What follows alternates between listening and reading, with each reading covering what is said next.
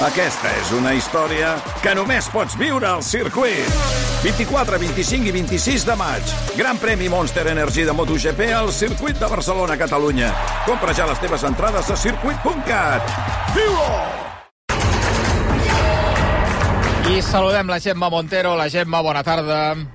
Hola, què tal? Bona tarda. Hem començat, Gemma, el 2024 amb moviments en el Mercato, en el món del trail.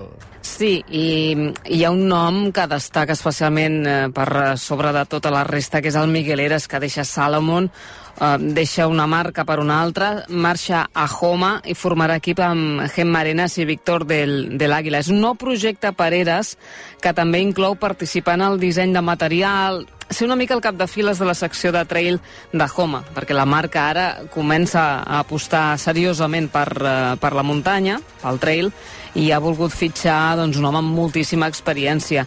Un home que està lligat a Salomon durant molts anys i que se'ns farà estrany no veure'l eh, amb, amb la marca mm, francesa, però mm, bé, és tot un plegat, un fruit doncs, de l'aposta general de les marques esportives pel trail i d'aquests moviments de, de Mercato que, que hi ha hagut a, eh, aquest mes de gener i que encara n'hi haurà més, eh, segurament, no? Perquè Eres deixa Salomon després de pràcticament 19 anys perquè li arriba un projecte amb, amb, eh, amb cara i ulls que li permet fer altres coses, coses noves que encara no ha fet. Mm, diversifiquen una mica les marques doncs, eh, dins, dins el mercat del trail. Salomon ha fitxat Alen Santamaria, que és campió d'Espanya de, de vertical 2023, va guanyar la Gorbella com a, no com a nova promesa, perquè ja el coneixíem, però sí en el, en el lloc que deixa Miguel Eras, que no és el seu substitut, evidentment. A canvi, Esport HG per Gemarenas i ha fitxat Leire Fernández i continua comptant, això sí, amb el portuguès Miguel Arsenio. Per cert que Davide Magnini i Mo Matís també han deixat Salomon Internacional, és a dir, que el mercat no és només a nivell espanyol, sinó que, òbviament, a, a nivell europeu també. Però, com deia, Miguel Eras és, és el gran nom Uh, va ser la primera notícia de l'any, uh, uh, aquesta baixa de Miguel Eras a, a Salomon, amb, amb la gran majoria de, de persones que han treballat amb ell durant aquests anys, especialment Biel Ràfols, doncs acomiadant-se les xarxes de, de l'atleta. Doncs aquesta pèrdua sentida de d'Eres, que deixa Salomon després de tants i tants anys. Avui que parlem precisament, eh, Gemma, amb gent de muntanya, l'Albert Jorquera i el Pol Macuri Redolat, que tenen un projecte entre cella i cella, i ara que parlem de propòsits pel nou any, eh, res millor que, pa, que parlar amb ell, Gemma. Comença l'any i n'hem parlat molt aquests dies, no?, dels nous propòsits, eh, quan eh, eh, encetem una nova fulla, un calendari, Uh, hi ha d'alguns que són molt clàssics, el de deixar de fumar, el de primar-se, el de llegir més, uh, el de retrobar-se amb amics, el de xerrar més amb la família...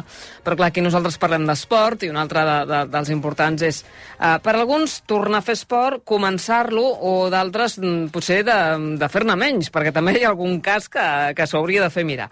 Però, Pol Macuri, hola, bona tarda. Bona tarda. Albert Jorquera, bona tarda. Hola, bona tarda.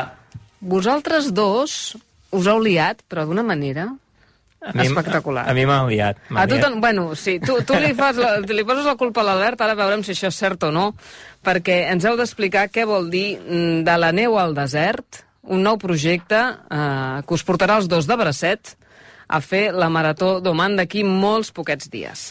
Um, Albert, qui ha enredat aquí?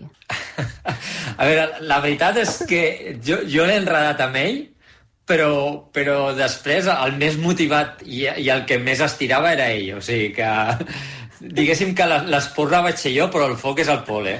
No, sí, M'ho crec totalment, però totalment. Eh, Havent-lo vist a d'altres llocs, i, i tant, i tant que sí. Eh, de la neu al desert, Pol, explica'ns una miqueta. Tu ets un home eh, de muntanya, d'esquí, de trail, que ara eh, doncs t'han proposat trepitjar un altre tipus de terreny i no has dit pas que no. Correcte. És cert que vaig estar 12 anys ja amb el rendiment amb esquí de fons, fins a arribar als Jocs Paralímpics, i durant aquests 12 anys la prioritat era l'esquí de fons, i quan vaig acabar vaig veure que, que l'esquí de fons, però a nivell psicològic sobretot, havia d'apartar una miqueta i poder disfrutar d'altres esports o, o centrar-me més en el trail, que era un esport que sempre havia sigut com a pretemporada i tenia ganes de mirar què era el que passa al meu cos, amb una hiperèsia a la part dreta d'oferir i, de, i de regalar al, al públic pues, un bon espectacle. I llavors, quan em va arribar la proposta d'anar a Oman a fer 165 quilòmetres amb quatre etapes, eh, no m'ho vaig pensar.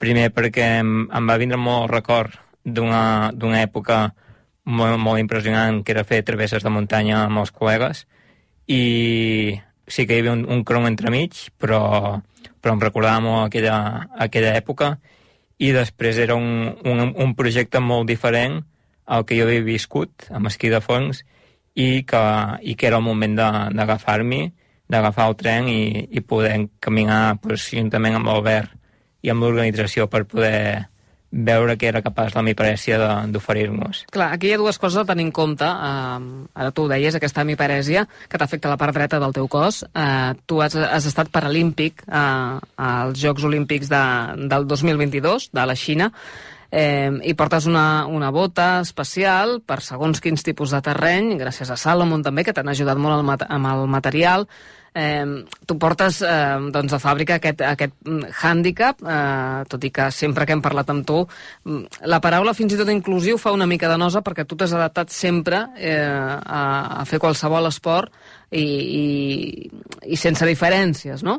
Eh, I i de l'altre és que la Marató d'Oman, Albert, que tu ja l'has fet, ara ens ho explicaràs, eh, la gent pot, pot pensar que són 42 quilòmetres eh, pel desert i no. Eh, al contrari, són 165 quilòmetres en 4 dies, per tant, no és una marató, és que és, és quatre vegades, això.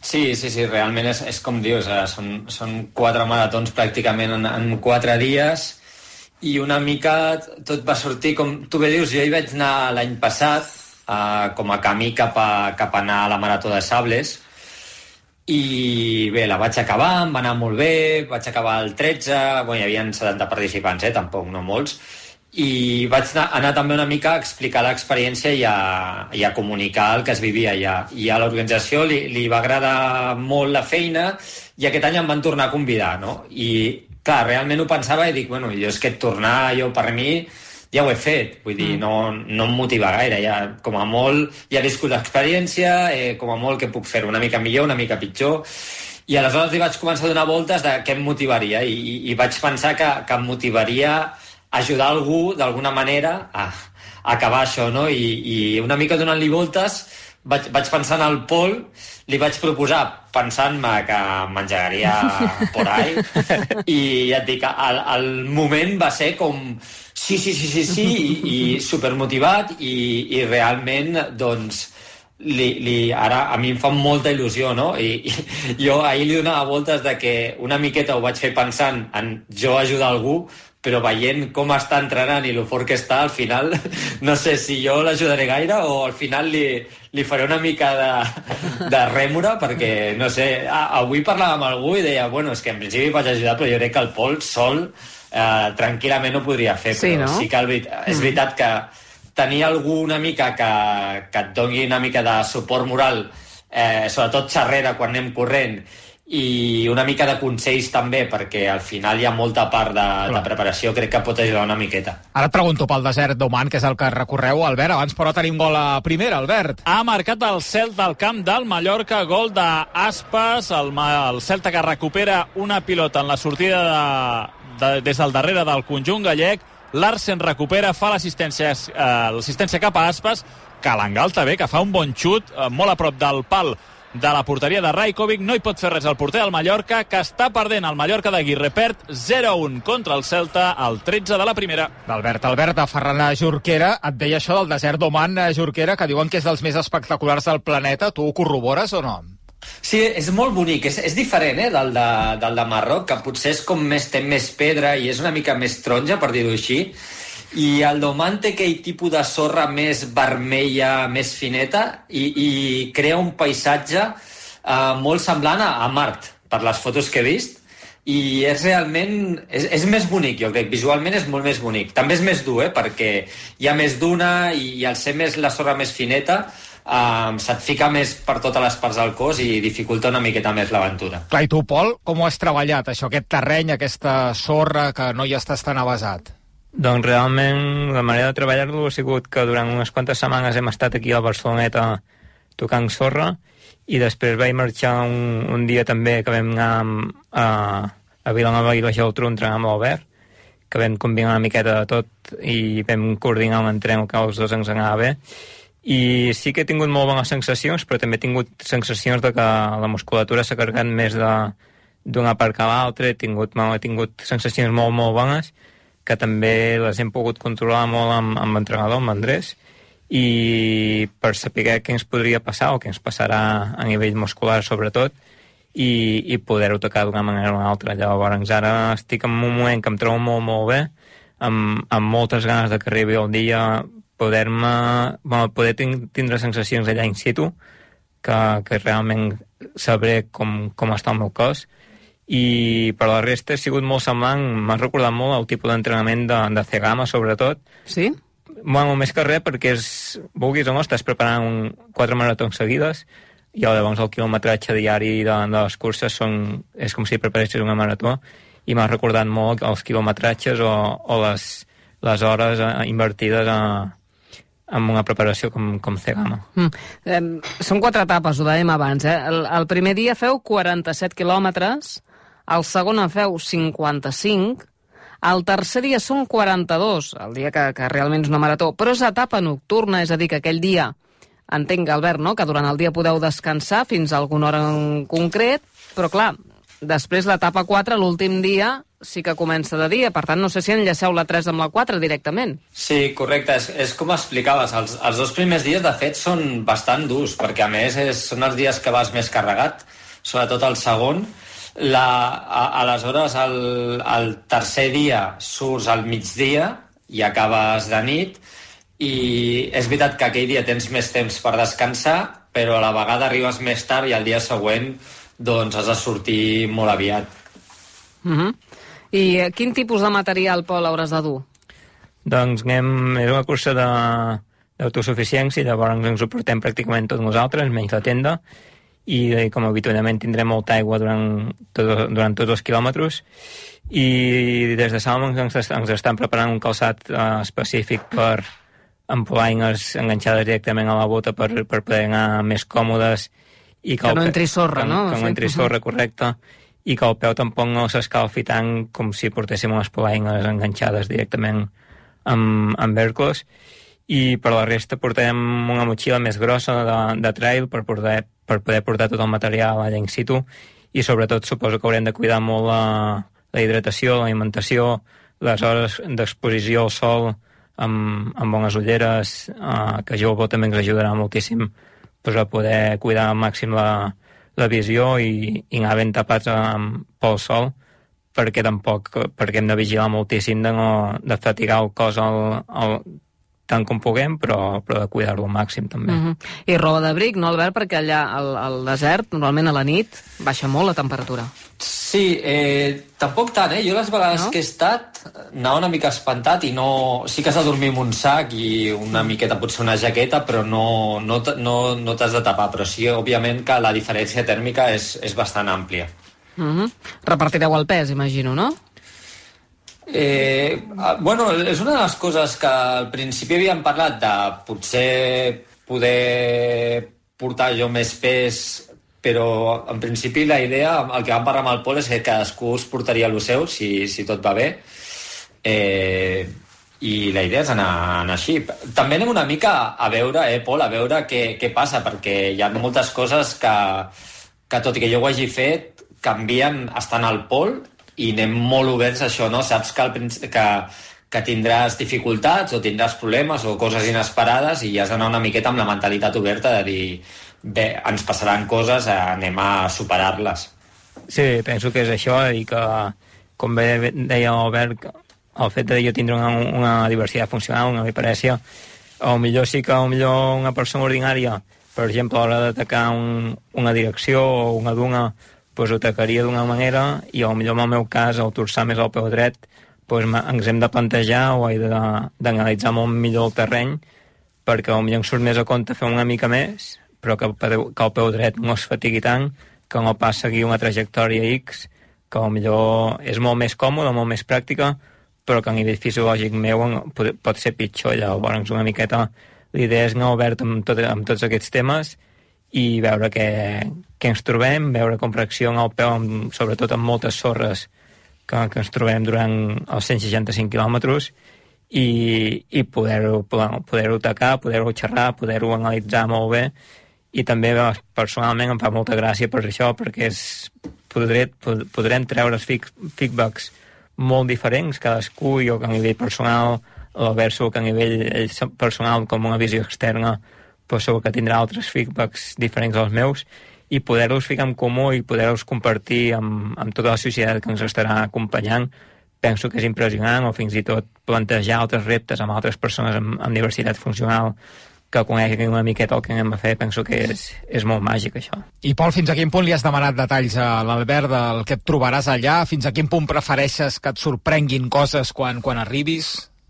Soc una persona que va molt... O sigui, que m'agrada saber on vaig, està clar, però m'agrada molt trobar-me jo allà in situ al moment, perquè és un, tinc una diversitat funcional que cada dia reacciona d'una manera diferent, o millor el primer dia reacciona d'una manera espectacular, i el segon dia, pels motius X que jo no conec, doncs el peu dret reacciona d'una altra manera. Això ho he notat moltíssim amb esquí de fons, corrents no ho he notat tant, a poc a poc ho estic notant, però, però també és més difícil vaig una mica amb elements molt, molt oberta, una mica sí que és cert que l'Albert, amb tota aquesta època prèvia a la cursa, m'està donant molts consells de, de què ens trobarem, de com atacar-ho, de, que, de, què, de què fem cada moment, i de petites cosetes que millor jo no, no hi conto, però que realment són superimportants i que allà in situ se li donarà molta més importància. Mm -hmm.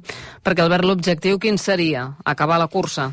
Sí, sí, no, acabar amb el temps que sigui és una cosa que jo li vaig plantejar al Pol, eh, totalment obert en aquest sentit. Si al final haguéssim de caminar-la tota, doncs la caminaríem tota i jo crec que si poguéssim acabar seria sensacional, la veritat. A mi, a mi quasi em motiva molt més acabar aquest any amb ell que l'any passat, que per mi era la, la meva primera cursa i ara recordaves no, el, que, el que tu deies, Gemma, jo l'any passat vaig anar totalment a l'aventura, no en tenia ni idea, i anava a, a viure aquesta aventura per després no patir tant a sables, i en canvi aquest any, clar, jo aquest, aquest component d'aventura ja l'havia perdut, perquè és el que et deia, no? Jo tot mm. això ja ho havia viscut. I a mi, precisament, tot això que diu el Pol de totes aquestes incògnites és el que m'apassiona, no? És, és el, que, el que em vull trobar i el que li dona tant valor al, al anar amb ell, no? Que, que canvia completament la, la situació i, i, anem a, i, i passa a ser una nova aventura, no? que és una mica el que buscàvem aquesta cursa. No, i, té la, és la gràcia, no? gaudir de tot plegat, a, a veure què passa, perquè hi ha més gent que ho fa per parelles o sou un cas excepcional a la Marató d'Oman?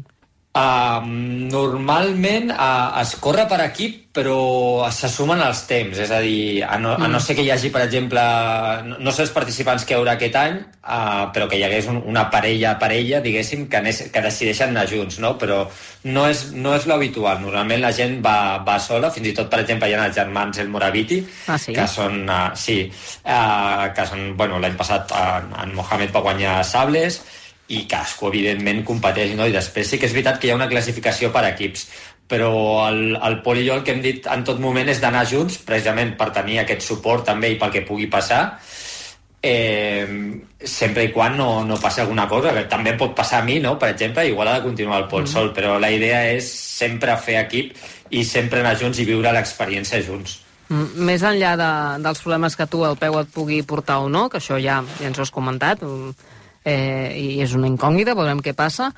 Què, què més et neguiteja? Hi ha alguna cosa que et neguitegi? La calor, la gana... Què és el que...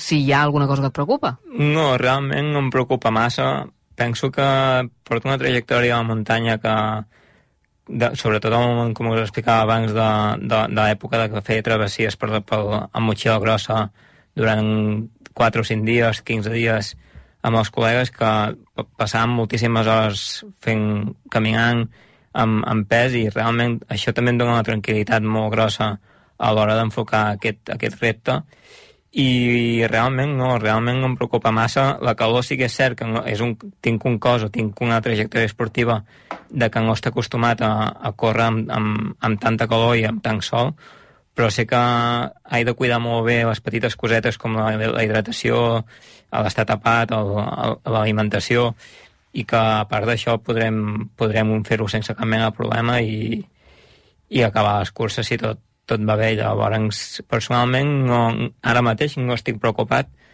Segurament, a mesura que es vagin acostant els últims dies o quan mm. estiguem allà al viatge, pues, pues entrarà tot el neguit o totes les emocions i serà una altra història, o quan arribi, que molts casos m'ha passat amb, amb altres competicions o amb, amb, amb objectius molt, molt importants d'arribar al lloc i trobar-te allà en, en, plena, en plena acció i és quan surt tota, totes incògnites, totes preguntes i però de moment ho portem, ho portem molt, molt bé. Bé. Tu ets més calorós, eh, Albert? Tu com a Vilanoví? Sí, sí, jo la calor és el que menys em preocupa, la veritat. Mm. jo més el menjar i el, el menjar, això no va dir. Qui menja més dels dos? Uh... Jo crec que el, diria que el Pol, eh? però no, no estic segura jo. Home, això no ho tenim calculat nosaltres. No? A veure, no, ara no us, barre, no, no, no us baralleu per una barreta, eh, allà? Mig del desert. Pues, eh, M'encares, eh? Pensa que ho has de portar tot. Jo l'any passat vaig passar gana, eh? Ai, ai, ai. Doncs mira, ara ja saps sí, que has sí. de pujar una mica a l'aposta, no? Sí, sí. que no passi res. Més val portar una miqueta més de pes i no passar gana que no al revés, però que al final has d'ajustar una mica perquè no, no pots sí. portar de tot. Clar, i m'imagino que és una aventura que, com aquell qui diu, us dediqueu a vosaltres mateixos, especialment tu, Pol, que no l'has feta mai. Bueno, és, per mi és una... Un eh, bueno, per mi l'emoció és, és a veure què passa, o sigui, és una, una història que no he fet mai, és una, un terreny que no he tocat mai, i he tocat molts altres terrenys, sobretot a la muntanya, i per mi és una, una novetat que això també m'omple d'il·lusió i, i d'incògnita de la vegada. El fet d'estar tantes hores a, a la sorra, amb un terreny com millor sembla que no, és, no hi ha tant impacte, però que realment la fatiga hi, hi serà, i serà molt heavy, però veure com reacciona el cos és una de les coses que més, més il·lusió em fa per després intentar-ho poder portar-ho amb altra gent que, que millor també ho, ho agraeix. Uh mhm. -huh. Això eh, comença el dia 20, acaba el 23, el 18 marxeu cap allà, eh, entenc que el, el, el, el viatge és llarg. Teniu un dia de marge, no?, per, per reconèixer el terreny, no sé què podeu fer un cop arribeu allà, Albert. Doncs no, no, poca, poca cosa, eh? perquè a terres et porten eh, al matí amb un, amb un resort al, al desert, fas ja les verificacions i el dia següent ja directament comences. Um, la part bona és que també acabes directament al resort i ja, ja estàs esperant, ja t'estàs esperant amb menjar i tot. Eh, o sigui que realment serà molt ràpid, però quasi que millor, eh? perquè és el que deia el Pol, que al final, els dies abans, et comences a posar una mica nerviós i tal, sí i la millor manera de treure't els nervis és començar a córrer i començar a centrar-te en el que has de fer. I ara, ara pensava en el que deies a Gemma i realment jo crec que és una, una aventura vital, no? Tu, tu preguntaves per què, jo és veritat mm. que ja hi he estat i, i a mi una de les coses que em motiva és conèixer nous llocs i, i noves cultures, a, això crec que el Pol ho coneixerà. I al final també és una, és, és una aventura, és quelcom que recordarem tota la vida, vagi com vagi, i això avui en dia és, és impagable, la veritat, tenir aventures d'aquestes vitals, no? que, que saps que recordaràs per sempre, i que jo crec que a mi, per exemple, com a persona, a, a viure-la amb algú com el Pol, a qui admiro per la manera que, de ser la, la valentia, no? Jo, està més tranquil ell aquest any que jo l'any passat. Vull dir, per mi això és, és, és impagable, vull dir, perquè són aprenentatges vitals que, que t'endús i que et queden per sempre. De fet, el que esteu fent no és més que portar els valors del trail a la sorra, a un desert, no? Sí, al, cap i a la fi som dos corredors de muntanya apassionats per, per la natura, llavors és un terreny que nosaltres no estem acostumats, però hi ha poder, altres atletes pues que sí i, i poder tindre aquesta oportunitat com a, com a atletes de trail penso que és, és impressionant i llavors és un terreny nou és, és de natura, és de, de muntanya vulguis o no i, i llavors tot sigui per sumar quilòmetres, sumar experiències i compartir-les a la mateixa vegada. El desert atrapa, eh, Pol? Ja t'ho dic jo. No s'assembla gens al, a l'escenari de, de, de Bagà, d'una ultrapirineu, de Cegama, no? No s'assembla, però atrapa. Ves que no repeteixis, ja, ja eh? Tu, ja, ja pensaré en tu i... Molt bé, ja, ja, ja m'ho diràs, ja m'ho diràs. Per cert, qui vulgui seguir la prova, Albert, eh, té alguna manera de, de poder fer-ho? No sé si és, és possible fer-ho online o... Sí, hi ha, hi ha classificacions diàries, eh, no, no sé si és Elite Chip o que estaran penjades cada, cada etapa. La part bona és que Oman va, va per davant en hores, o sigui que, que aquí es podrà seguir bé i després nosaltres intentarem anar actualitzant una miqueta sempre que puguem a, a les xarxes el resultat uh, perquè crec que com a premsa doncs, tindrem accés a internet després de, de les etapes, tot i que la majoria de participants doncs, és com a sables, no? que estàs totalment incomunicat. Mm -hmm. És una mica l'encant també, no?, de quan estàs al desert, doncs que estàs uh, totalment amb el focus posat en això que estàs, que estàs fent. Té una miqueta d'enveja, també ho he de dir, eh? eh perquè, clar, no qualsevol pot agafar la maleta i anar-se a, a, a fer la Marató d'Oman. Però bueno, n'estarem pendents, eh? estarem pendents i ens explicareu quan, quan torneu Perfecte. com ha anat, i a veure si aquesta cara d'il·lusió que et veig ara aquí, Pol, la després eh, es multiplica per 10, eh? Sí, sí, tant, esperem que sí. Moltíssimes gràcies eh, per venir a explicar-nos eh, aquesta història. Moltíssima sort en aquest eh, nou projecte, que vagi molt bé i sobretot que la gaudiu molt. Sí, sí, això sempre. Per això hi anem. Molt bé. Gràcies, Albert.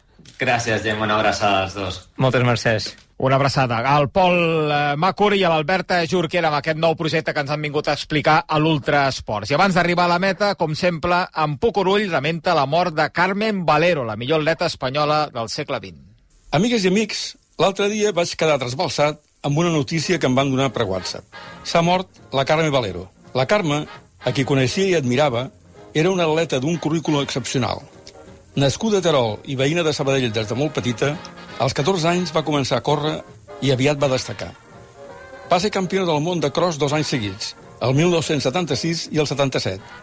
Vuit cops campiona d'Espanya i set de Catalunya, i va ser la primera atleta espanyola que va participar en uns Jocs Olímpics. Va guanyar el premi a la millor esportista de Sabadell el 1973, 75, 76 i 77 i va ser reconeguda en quatre ocasions com a millor atleta espanyola pel Consejo Superior de Deportes. La vaig tractar poc, però em semblava d'un caràcter indomable. Va tenir problemes amb les federacions, tot reivindicant la igualtat entre homes i dones. Deia que era inadmissible que un Mundial, per exemple, el guanyador se l'endongués un milió de pessetes i la guanyadora només 100.000. Se la va considerar com la millor atleta del segle XX a l'Estat. Amb tot, i com passa sovint, el reconeixement a casa nostra no estava en concordança amb els seus mèrits. Ni ho va estat ara.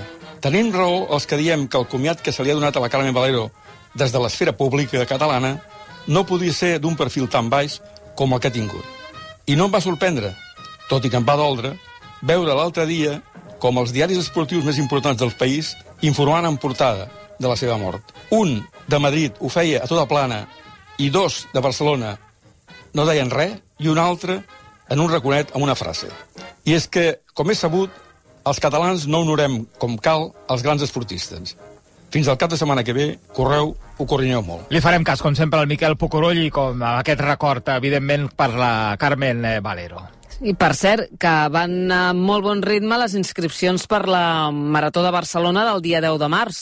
Han arribat ja les 17.000 inscripcions i l'objectiu és arribar mm, potser les 21.000 o en tot cas superar el rècord de les 20.500 de l'any 2016.